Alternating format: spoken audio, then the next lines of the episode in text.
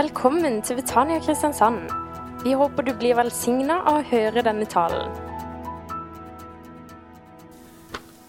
Jag blev så välsignad när Arvid läste det första ordet eller citerade det. Allt vad ni vill att människor ska göra eder, det ska ni göra dem. Jag tänkte då är det rätt, för jag har känt att jag ska tala över kärleken. Kärleken till varandra, kärleken till Gud. Vi vet första Korinthierbrevet 13, vad hjälper det om jag talar alla världens språk, om jag kan profetera, om jag ger bort allt jag äger och späker mig, om jag inte har kärlek så är det ingenting.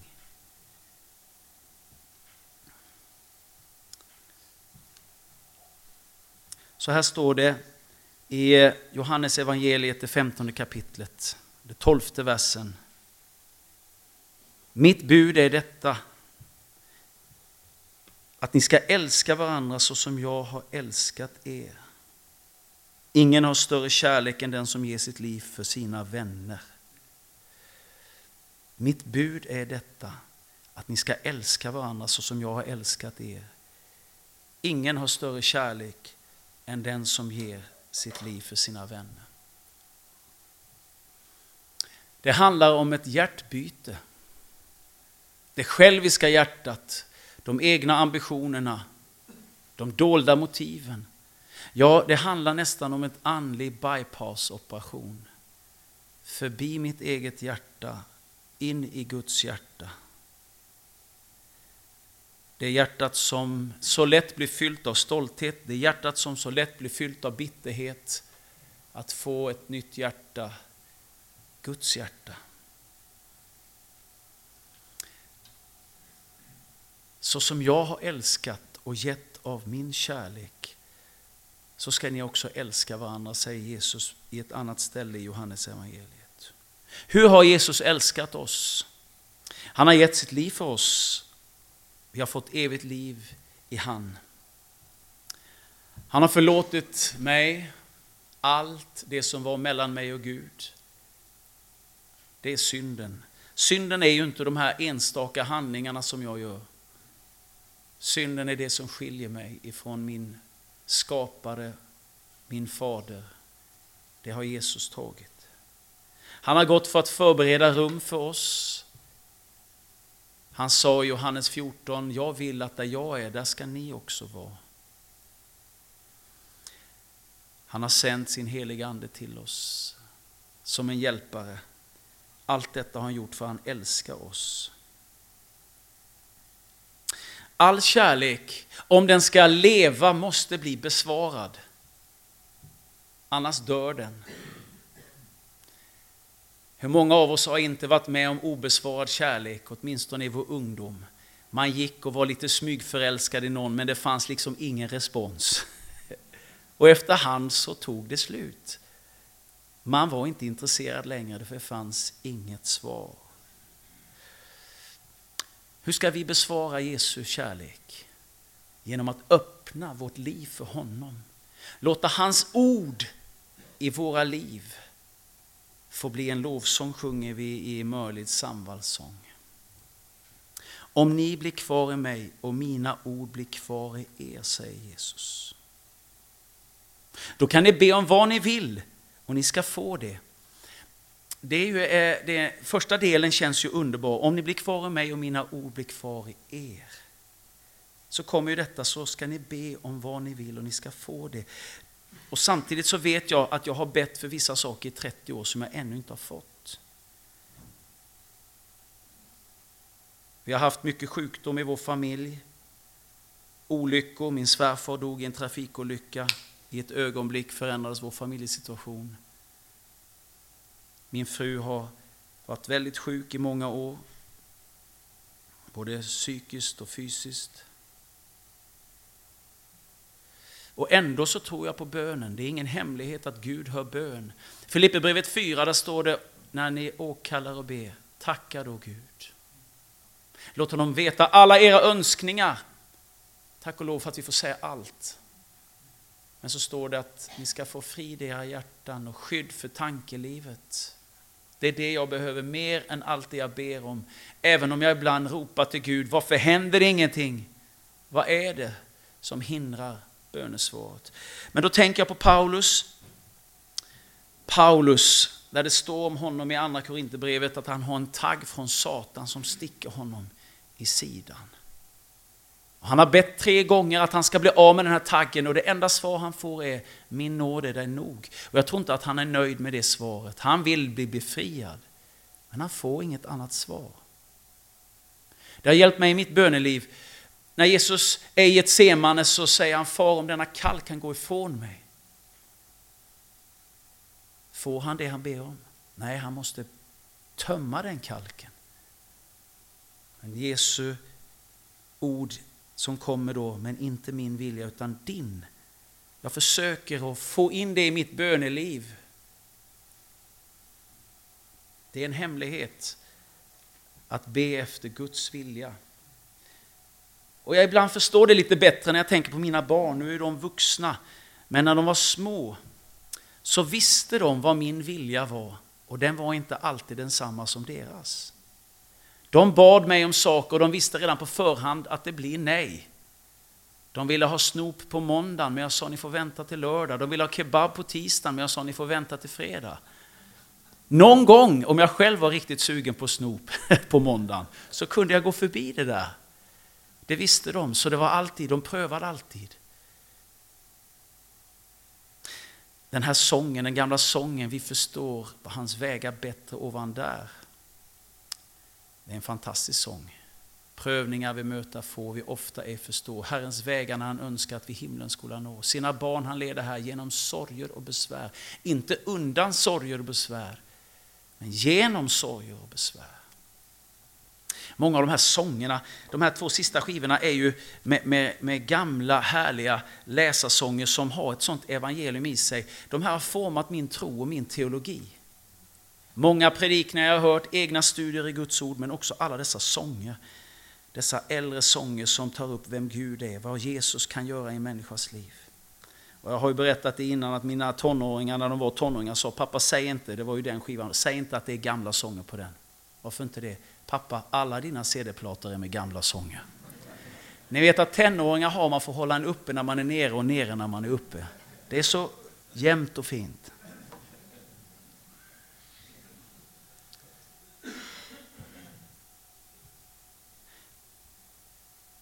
Hur visar vi då kärlek? Vi sa till Jesus, när hans ord är våra liv, om vi förblir i dem, då förvandlar de oss. Det står i Hebreerbrevet att Guds ord är levande och skarpt och det blottlägger hjärtats uppsåt och tankar, skiljer märg och ben, ande och själ. Alltså när Guds ord kommer in i vårt liv genom att vi läser det, genom att vi, vi, vi liksom tar till oss det, när vi säger helig ande, låt detta få bli liv i mitt liv då gör vi hans vilja. Och då händer det någonting i oss. Då börjar vi se annorlunda på människorna runt omkring oss. Hur visar vi kärlek till varandra? Genom att ge våra liv till varandra. Ingen har större kärlek, stod det, än den som ger sitt liv för sina vänner. Det finns ett underbart ord där Jesus säger, jag kallar inte längre tjänare utan jag kallar er vänner. Det är så otroligt starkt.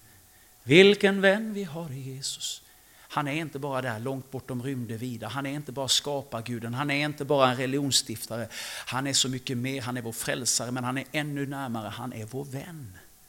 Åh, jag vill aldrig förlora den här nära relationen, det här att man på något sätt bara, ja jag har ytterligare en dimension i livet, jag är kristen. Nej, så mycket mer. Jag har fått en vän, en frälsare som är så mycket mer än bara liksom en tro, en livsåskådning.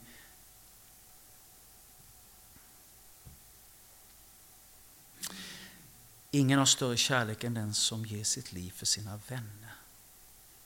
Så när jag hör om Olle Christian, jag hörde ju det för en och en halv vecka sedan igen. Så tänkte jag bara, jag, blev helt bedrövad och det blev ju alla. Man har liksom glatt sig över att och nu lider vi med Inger Marie och, och barnen och familjen och vi lider med Ole Christian och vi ber. För vi är familj. Vi är mycket mer än bara några som tillhör samma församling eller samma tro. Vi är familj. Det var någon som frågade en gammal dam, hur är det med dig? Jo, med barnen är det bra. Ja, men jag frågade hur det var med dig? Jo, med barnen är det bra. Alltså, hon var så förknippad om så barnen mår så mår jag. Och så känner vi alla som har barn. Vi har två barn som liksom, det går väldigt bra för, så har vi en som sliter lite. Och man, man följer med, ni vet som föräldrar, man följer med sina barns mående så totalt. Och så är det också när vi har den känslan för vår familj, församlingen, för systrarna och bröderna.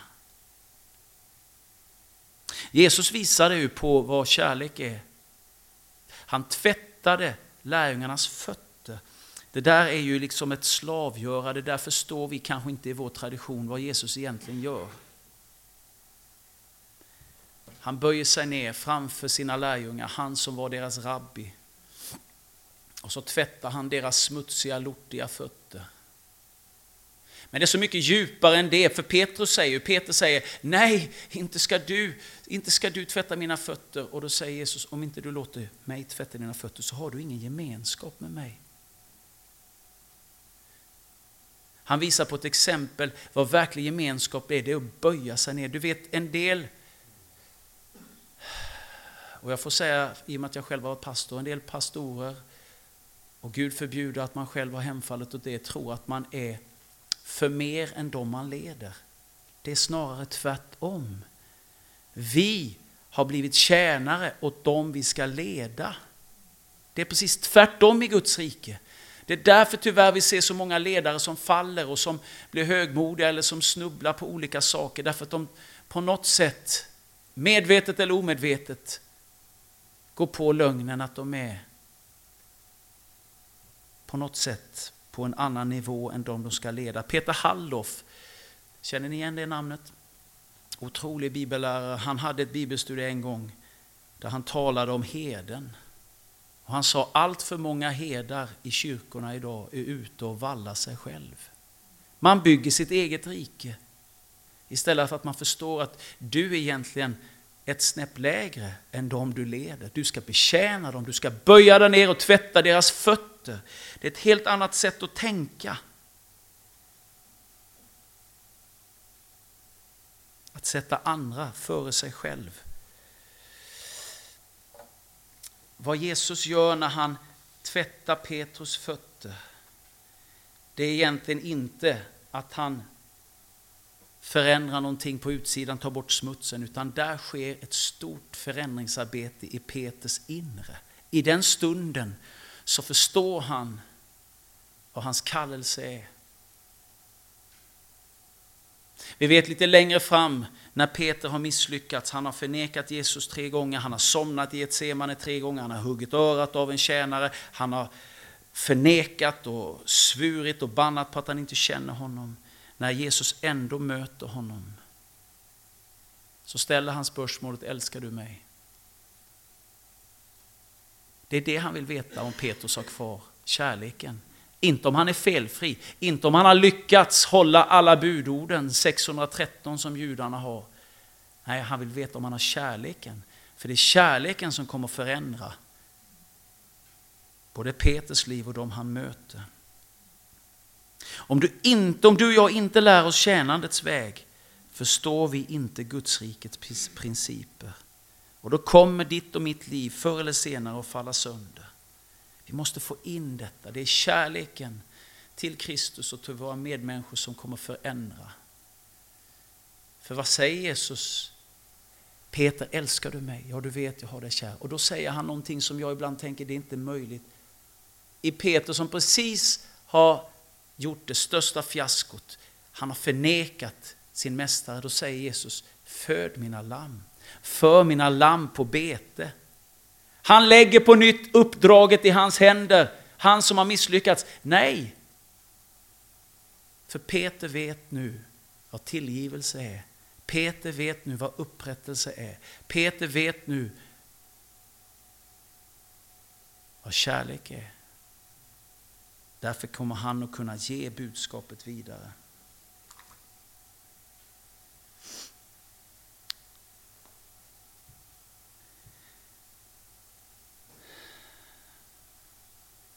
Detta är att flytta fokuset från mig själv till Kristus och till andra.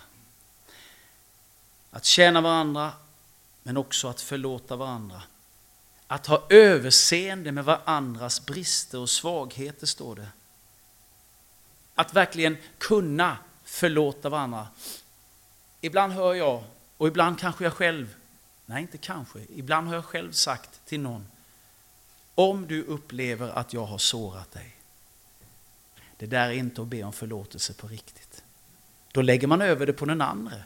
Om du upplever att jag har sagt fel sak. Nej, det riktiga är att säga, när jag sårade dig, när jag sa de stygga orden till dig. Förstår ni skillnaden? Annars är det som att jag är fri, men det var du som uppfattade det fel. Vi måste bli sanna när vi ber varandra om förlåtelse. Full bekännelse ger full upprättelse. Och vi kan be och ge varandra förlåtelse många gånger. Du vet när Peter, jag tror det är Peter som kommer till Jesus och säger, hur många gånger ska jag förlåta min broder?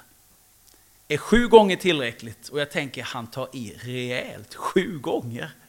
Alltså jag vet inte om jag har kunnat förlåta någon sju gånger som lurar mig på pengar. En gång, okej. Okay. Två gånger. Tredje gången, glöm det liksom. Det är kört. Han tar i sju gånger. Det gudomliga talet Peter. Han bara känner det där är ju... Och då bara tittar Jesus på honom och säger 77 gånger eller 70 gånger 7 gånger det är olika översättningar. Det är ju helt omöjligt, eller vad säger ni? Det går ju inte! Fast egentligen så har jag tänkt ibland, jo men det går. Jag har ju tonåringar. Hur många gånger har jag förlåtit mina tonåringar? 70 gånger 7 är ju ingenting. Och det värsta är att de har förlåtit mig också 70 gånger 7 gånger. Vet du, senast igår fick jag be min dotter om förlåt. Jag skickade ett sms till henne där jag skrev förlåt att jag var lite stressad och trubbig idag, skrev jag. För hon körde mig till flyget och vi var så sena. Och så helt plötsligt säger hon, ja jag vill vara lite tidigare till jobbet. Och jag bara, det kunde du sagt lite tidigare och så var jag lite sådär purken. Och så skrev jag ett sms, älskade dottern, förlåt mig och så ett hjärta. Jag, man måste ju alltid sätta de där smileysarna nu mer. Min dotter har sagt, du måste alltid sätta ett hjärta så vet jag att du är på gott humör. Speciellt när hon ringer, eller skickar textmeddelande, pappa kan du vipsa över lite pengar? och då ska jag alltid sätta ett hjärta sen. Så många gånger jag har fått be dem om förlåtelse, så många gånger de har bett mig om förlåtelse. Det är underbart, helt plötsligt förstår vi detta. Vår far i himmelen, han är vår vän. Och du kan be honom om förlåtelse hur många gånger som helst. Vad kan skilja oss ifrån Jesus kärlek? Nöd, fara, ångest, hungersnöd, förföljelse. Ingenting! Så låt oss betjäna varandra. Förstå att vi är kallade att tjäna varandra. Förlåta varandra och inte döma varandra. Du vet, i, i bergspredikan så lär oss Jesus bönen Fader vår. Och sen har ju vi lagt till det här, till ditt är riket och makten och äran i evighet. Det står ju inte där i, i Matteus 7. Men det står, det står att om inte ni förlåter människorna deras synder, står det efter Fader vår bönen, så ska inte heller er fader i himmelen förlåta er. Helt plötsligt blir det ju ganska allvarligt. Att inte döma varandra. Det står på ett annat ställe i bergspredikan också, döm inte på att ni inte själv må bli dömda. För med den dom du dömer andra blir du själv dömd. Det finns ett uttryck som jag vet ni har i Norge också, ingen rök utan eld. Det är ett fruktansvärt ord. Det är ungefär som att jag vet egentligen inte om situationen, men om, om man ser den röken så vet man att det finns någonting där bakom.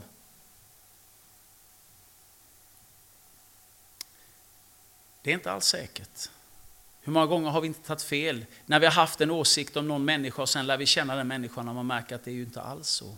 Och förresten så kan vi aldrig veta någon annan människas historia. Vi vet inte vad den människan har varit med om, vad den människan har i bagaget. Nej, vi har nog med att sopa framför vår egen dörr. Låt oss inte döma varandra, utan låt oss välsigna varandra. Det är det jag också vill säga. Näst sista punkten, välsigna varandra. Vi är kallade att välsigna. Välsigna är inte bara att säga Gud välsigna det. Utan det är så mycket mer. Det är inte ens att bara tala gott om varandra, det är att tänka gott. Har du märkt det är väldigt lätt att säga någonting. Men du vet, Gud ser i det fördolda. Jag tänker ofta, Mikael, okej okay, du kan kontrollera din tunga, en del kan inte kontrollera sin tunga och det hoppar ut grodor hela tiden som vi säger. Och det är ju på något sätt får ju stora konsekvenser, men egentligen inför Gud så är det ju mycket djupare än så. Vad tänker jag? Jag måste ofta tänka, du måste förändra mitt tankeliv. Romarbrevet 12, anpassa er inte efter denna världen utan låt oss förnyas i era tankar. Evangeliet är ju så underbart nådefullt men det är också allvarligt. Jag tänker jag behöver faktiskt låta Guds kärlek verkligen få omforma hela min varelse. Du vet, ibland kan vi tygla vår tunga och vi kanske inte gör fel saker och vi verkar fromma, men det gäller en mycket djupare, hjärtats omvändelse. Att välsigna varandra, tala gott om varandra, att tänka gott om varandra, att be för dem som du har det svårt för. Det är något fantastiskt. Om du börjar be för dem som du inte tycker riktigt bra om, verkligen börjar be på riktigt, då kommer du efter ett tag och börjar tycka om dem. Det, det, går inte att göra på något annat sätt. Och verkligen glädjas med dem som det går bra för. Det är fantastiskt. Om jag har bett för någon och så märker jag att det går bra för dem så tar jag åt mig lite av den äran. Amen. Jag har ju bett för dem. Klart att det går bra. Där du vet, vi svenskar ibland, vi är lite dåliga att ge varandra ros. Och en del säger att vi svenskar är väldigt dåliga på att ta emot ros också. Nej, inte jag. och Du vet janteloven och allt detta. Så var någon som sa om en svensk ger en annan svensk ros så är det vanskligt att veta vem som har det vonnast. Nej, välsigna varandra, tala gott om varandra, upplyft varandra.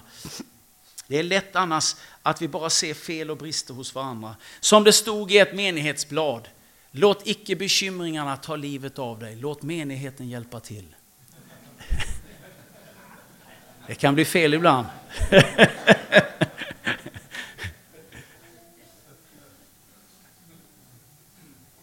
Nej, vi ska betjäna varandra. Betjäna varandra. Vi ska välsigna varandra. Vi ska inte döma varandra. Och vi ska förse varandra praktiskt. Kärleken får kosta, eller vad säger ni? De som jag älskar mest är de som har kostat mig mest, min egen familj. Tid, engagemang, kärlek, pengar. Och det är en självklarhet att det får kosta. Min dotter fyllde 18 år i somras så jag tänkte, ska jag skicka en faktura nu? Två miljoner. Mat, kost och logi och kläder och aktiviteter. 18 år, 2 miljoner 120 000. Nej. Det är en självklarhet. Men vår familj är större än bara mina barn och min kone. Det blir så allvarligt när jag läser Jakobs brev där det står om någon kommer till dig och är naken och hungrig och du säger gå i frid. Håll dig varm och ät dig mätt men inte ge honom vad han behöver. Då är er tro tom och meningslös. Den är död. Men jag blir glad när jag märker att i Guds menighet så finns det en stor generositet idag. Man vill vara med och hjälpa till, man vill vara med. Jag vet inte, jag tycker ännu mer nästan i Norge att man, man är i Vitryssland, Ryssland, Ukraina och även här. Man har en massa initiativ för att hjälpa människor. Man har förstått att evangeliet är kött och blod. Det är någonting som ska synas och märkas. Att förse varandra. Det är faktiskt inte vår teologi som kommer att rädda och frälsa världen. Teologi är viktigt. Vi måste veta vad vi tror på och varför vi tror det. Annars blir det osunt och svärmiskt. Men ingen kommer att bli attraherad av orden i vår teologi. Man kommer aldrig att gå ur hus och hem och komma till Guds hus för att lyssna på teologi. Det är möjligtvis några som kan göra det. Men folket kommer komma där teori och teologi, teologi blir verklighet. Folk vill ta emot det som de kan se och uppleva. Och det kan upplevas genom ditt, mitt liv. Himlen kan de se i ditt liv. Himlen kan de uppleva i dig och mig. Kärleken upphör aldrig. Och så har vi Jesu ord att älska sin nästa som sig själv. Jag tror det är också en nyckel till att börja leva och betjäna och inte döma andra. Det är att du börjar älska dig själv. Du vet, ibland är det det svåraste. Ja, ingen vet ju om det, ingen ser det. Men inåt så har du så svårt att förlåta dig för det som hände då, det du gjorde då. Och är det någonting som är en synd så är det att inte förlåta sig själv när Gud har förlåtit dig. När Gud har förlåtit dig, då måste du förlåta dig själv. Och det är först då som du kan börja leva ett kärleksfullt och förlåtande liv mot andra. Jag har varit med faktiskt om det flera gånger. Att människor har haft väldigt svårt för andra människor som har vissa kanske brister eller vissa vanor eller vissa missbruk. Och sen strax efter så har jag märkt att det var precis det de hade själva. De slet med precis samma sak själva som de såg hos någon annan. Och de hade inte förlåtit sig själva och därför kunde de inte se någon annan som hade samma problem utan var tvungna att påpeka det. Kan det vara så att om vi inte älskar oss själva så har vi inte låtit hans ord förbli i oss. Jesus är Guds kärleksbrev till oss. Varje ord är skrivet personligt till dig och till mig.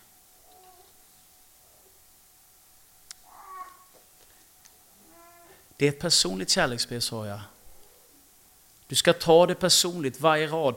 Har du läst ett kärleksbrev mellan två människor som du inte känner? Det är ju totalt ointressant. Möjligtvis är det intressant ur skvallersynpunkt. Säger ni skvaller i norskan? Gossip? Ja. Sladder? Möjligtvis skulle det vara intressant. Men det är ju ingenting som berör mig egentligen. Men jag kommer ihåg min kone Lindas första kärlek, eller de kärleksbreven som vi hade under sällskapstiden. Jag låg i militären då. Oh! Alltså bara de kom, vet du, innan jag öppnade dem. Och så öppnade man dem och så läste man. Man läste inte bara det som stod där, man läste ju mellan raderna. Och man la in mycket mer i meningarna, i sättningarna än vad hon hade tänkt. man, man tänkte, oh, men, mm, där finns mer, där finns mer.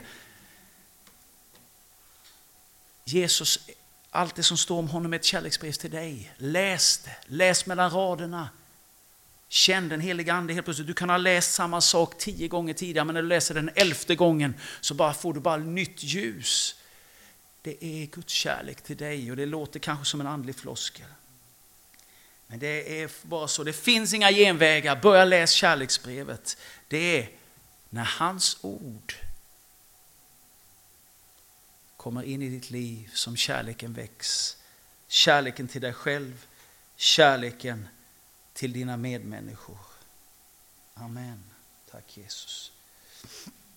Mm. Jag vill sluta med ett underbart bibelord från Romarbrevet 13 och 8. Stå inte i skuld till någon utom i kärlek. Amen. Tack Jesus för ditt ord. Tack för att du är kärleken. Du har visat oss denna väg som är överlägsen alla andra vägar, står det. Kärleken. Tack för Betania, tack för denna kärleksfulla församling och menighet. Tack för att du ska fortsätta låta dem få sprida din väldoft utöver den här regionen och det här landet. I Jesu namn. Amen. Du har nu hört en tale från Betania Kristiansand. For mer informasjon kan du besøke våre hjemmesider på betaniakrs.no.